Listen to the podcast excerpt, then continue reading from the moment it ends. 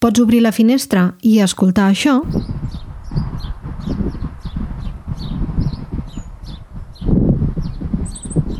O això altre.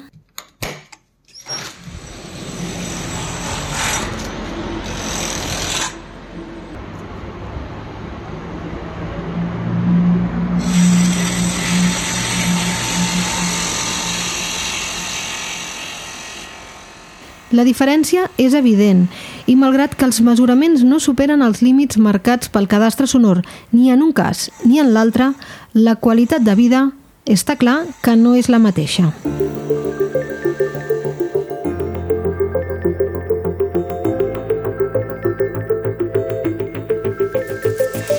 Hola, sóc Esther Pons i això és l'Altaveu a fons. En aquest episodi ens preguntem què ens passa quan vivim envoltats de soroll?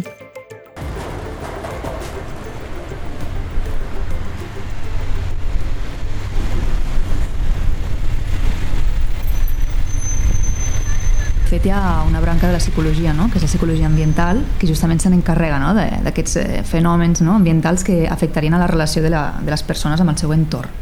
Dins d'aquesta psicologia justament tenim el fet de la contaminació acústica, no? que és un fenomen que també s'estudia molt perquè hi ha aquesta causa-efecte de que a major contaminació acústica, major afectació psicològica per exemple, no? doncs tenim eh, amb un nivell de trànsit, d'obres, ocis nocturns, tenim una quarta part de la població que ho pateix molt més a nivell d'estudis, no? d'evidència empírica, que revela això, no? que hi ha un efecte estressor en aquesta contaminació acústica que afecta directament a la persona. Hem escoltat Sílvia Palau, psicòloga.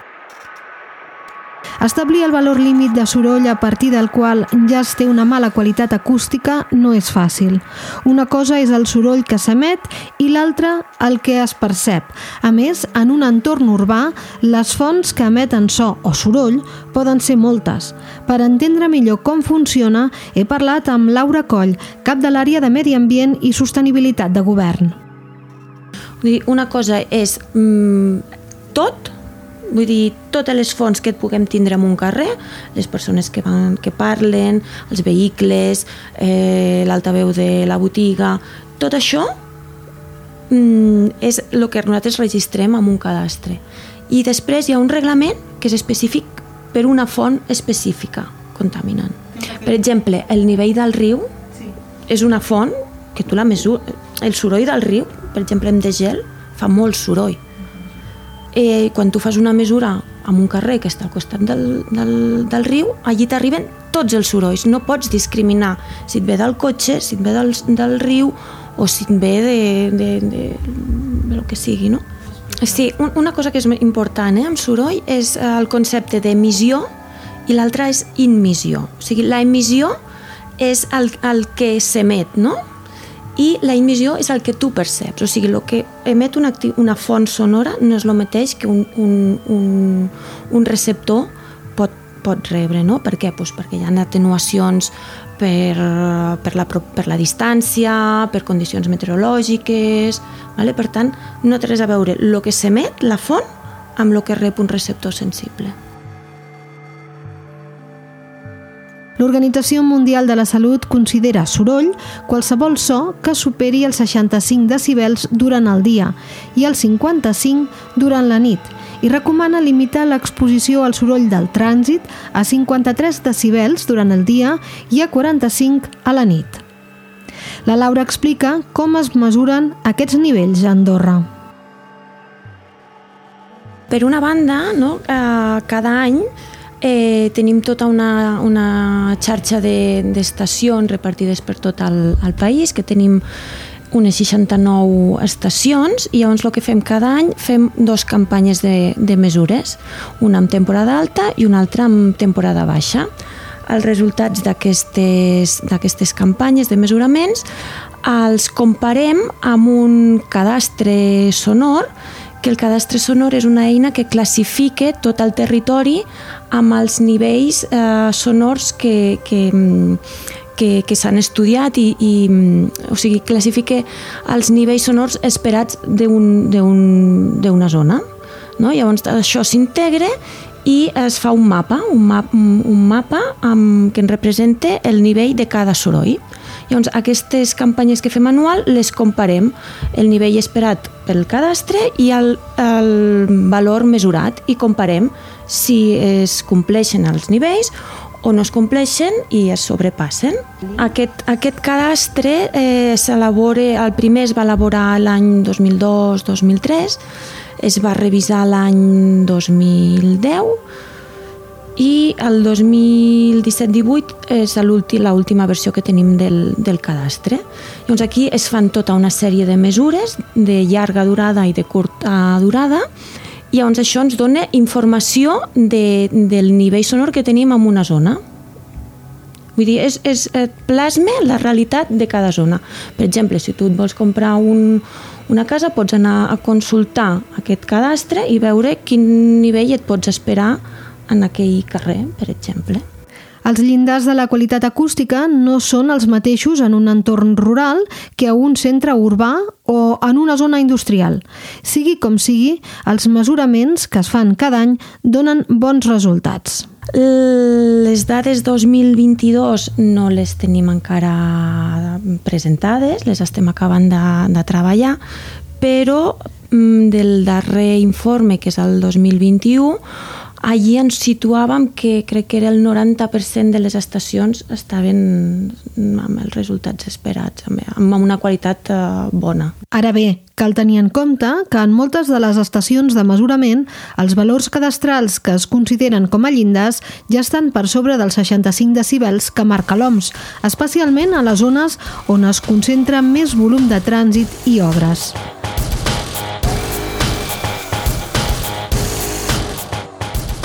El soroll provinent del trànsit es controla a partir de la inspecció tècnica de vehicles, l'ITB, i pel que fa a altres activitats, com les obres o les discoteques, per posar dos exemples, hi ha altres limitacions. El reglament de control de la contaminació acústica ens marca uns, uns, uh, uns, uns límits per, uh, per horari diurn i per horari diu, nocturn a totes aquelles zones que, si, que no es situen en una zona industrial, el reglament et marca un nivell de 55 decibels durant el dia i 45 decibels durant la nit. Aquests són els nivells que qualsevol activitat eh, potencialment contaminant de l'acústica ha, ha de complir. Per exemple, eh,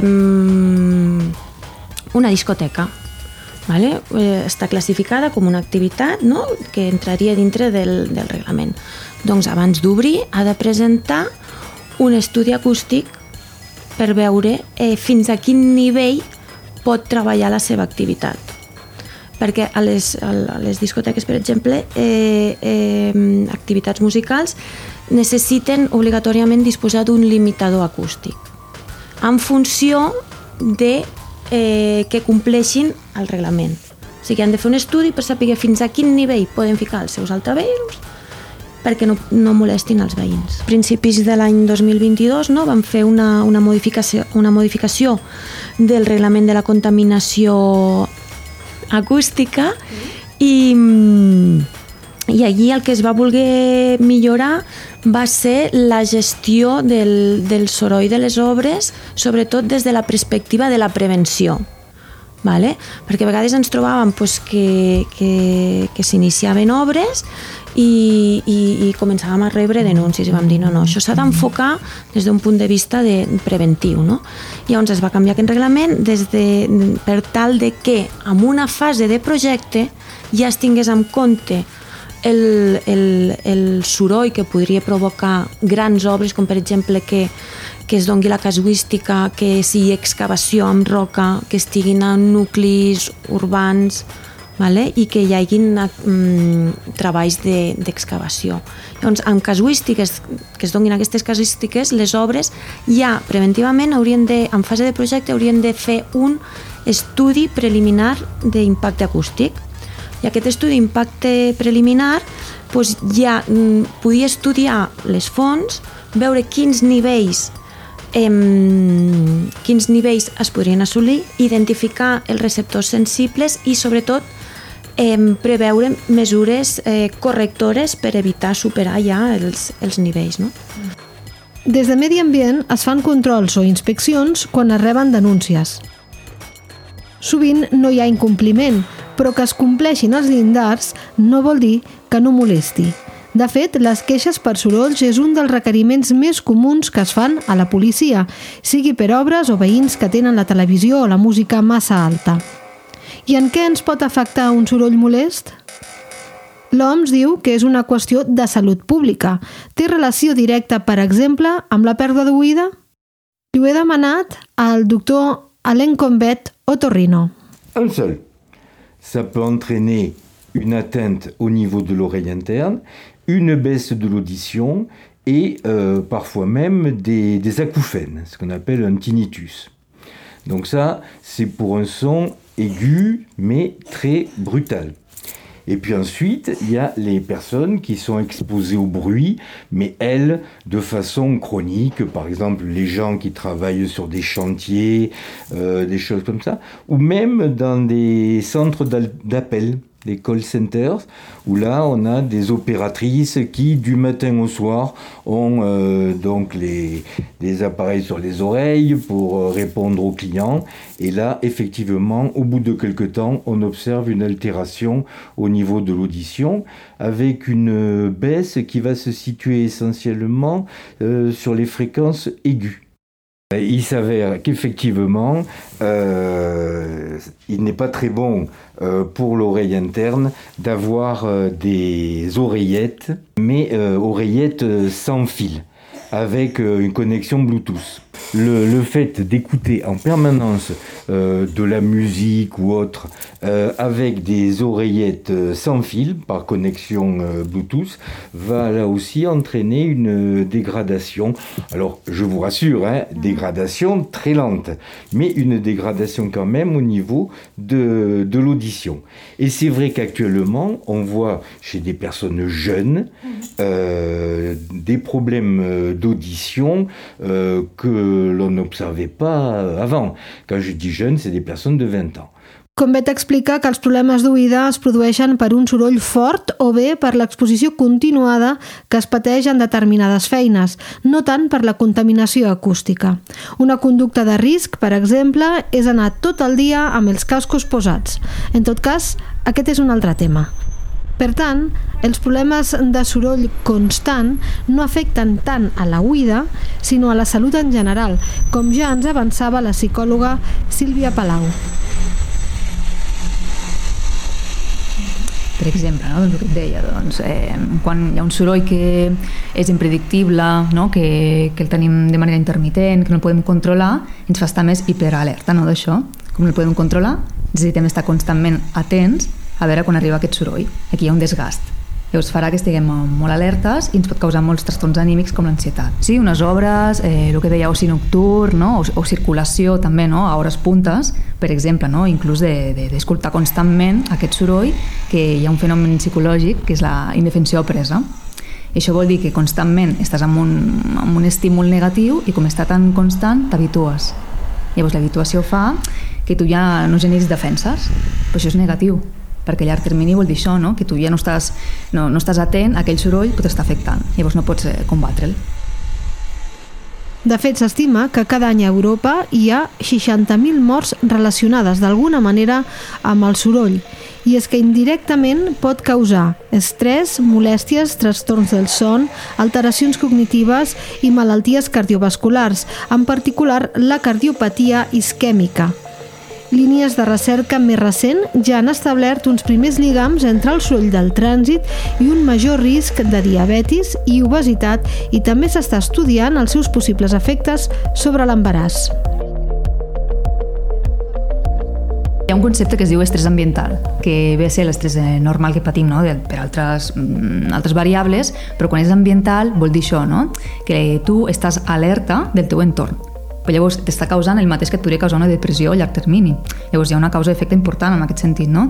que major contaminació tu estàs patint més estrès. Llavors el teu cos actua així, no? actua per combatre aquest estrès. Què passa amb l'estrès? Doncs que hi ha molt de cortisol. Doncs aquest cortisol, mm, a llarg termini no? i amb una exposició contínua, genera que puguis tenir dèficit cognitiu, pèrdues de memòria, també trastorns anímics, inclús, no? que això és molt greu, no? al final. Eh, les persones que viuen en ciutat, que viuen amb, rodejats de, de, de contaminació acústica, al final tenen més nivells de cortisol en sang i això causa això, no? que puguis eh, desenvolupar una patologia a llarg termini. Justament per això, no? perquè el cortisol elevat causa això, no? com bé dit, no? doncs, eh, més cardiovasculars, eh, també digestius, inclús hi ha el desgast no? a nivell cognitiu, de patir altres malalties de, doncs, neurodegeneratives, com pot ser un Alzheimer, pot ser Parkinson, eh, hi ha molta correlació. Per tant, sempre veiem, no, o acostumem a veure, persones que viuen en entorns rurals, no? que tenen millor qualitat del son, que tenen altres hàbits, que no estan tan automàtics no? el dia a dia, i això causa que, que tinguin menys probabilitat de generar aquest tipus de patologia. Però encara que sembli impossible fugir d'un entorn sorollós quan hi hem de treballar o viure, sempre hi ha solucions, o si més no, alguns consells que podem seguir per intentar pal·liar-ne els efectes. Clar, hi ha un factor comú que veiem molt, que és la, la son, no? l'higiene del son. Persones que pateixen molt estrès ambiental tenen mala qualitat del son. Llavors comencem per aquí, no? de mantenir rutines de bona higiene. Per exemple, doncs, anar a dormir sempre a la mateixa hora si es pot. No fer migdiades o fer-les molt curtes, de 20 minuts. Eh, retirar tablet, retirar telèfons, mitja hora abans d'anar a dormir. Comencem per lo més senzill, que no és tant mudar-se, no? Després sí que hi ha el soroll blanc, que està bé, no? Perquè és un soroll que té una freqüència igual, no, no canvia aquesta freqüència. Llavors podem recomanar que mentre van pel carrer, estan a casa treballant i tenen sorolls, doncs posar-se uns auriculars no? amb aquest soroll. També és fàcil de fer, no? D'altra banda, la relaxació, la meditació, el, la respiració, que és molt important, i òbviament doncs, la part d'insonorització, que sabem que és més difícil, i evitar espais amb molt de soroll. Andorra, tot i que si vivim al costat d'una obra o d'una carretera o fins i tot del riu ens pot semblar sorollosa, no ho és comparat amb altres indrets. En tot cas, això no impedeix que sigui un problema i que els psicòlegs del país hi hagin de treballar.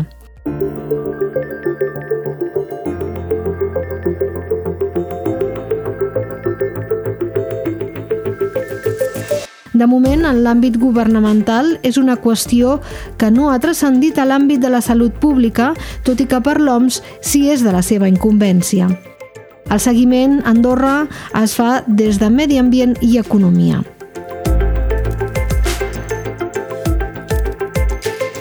Això ha estat l'Altaveu a fons. Aquest episodi ha anat a càrrec de qui us parla, Esther Pons. Espero que us hagi agradat.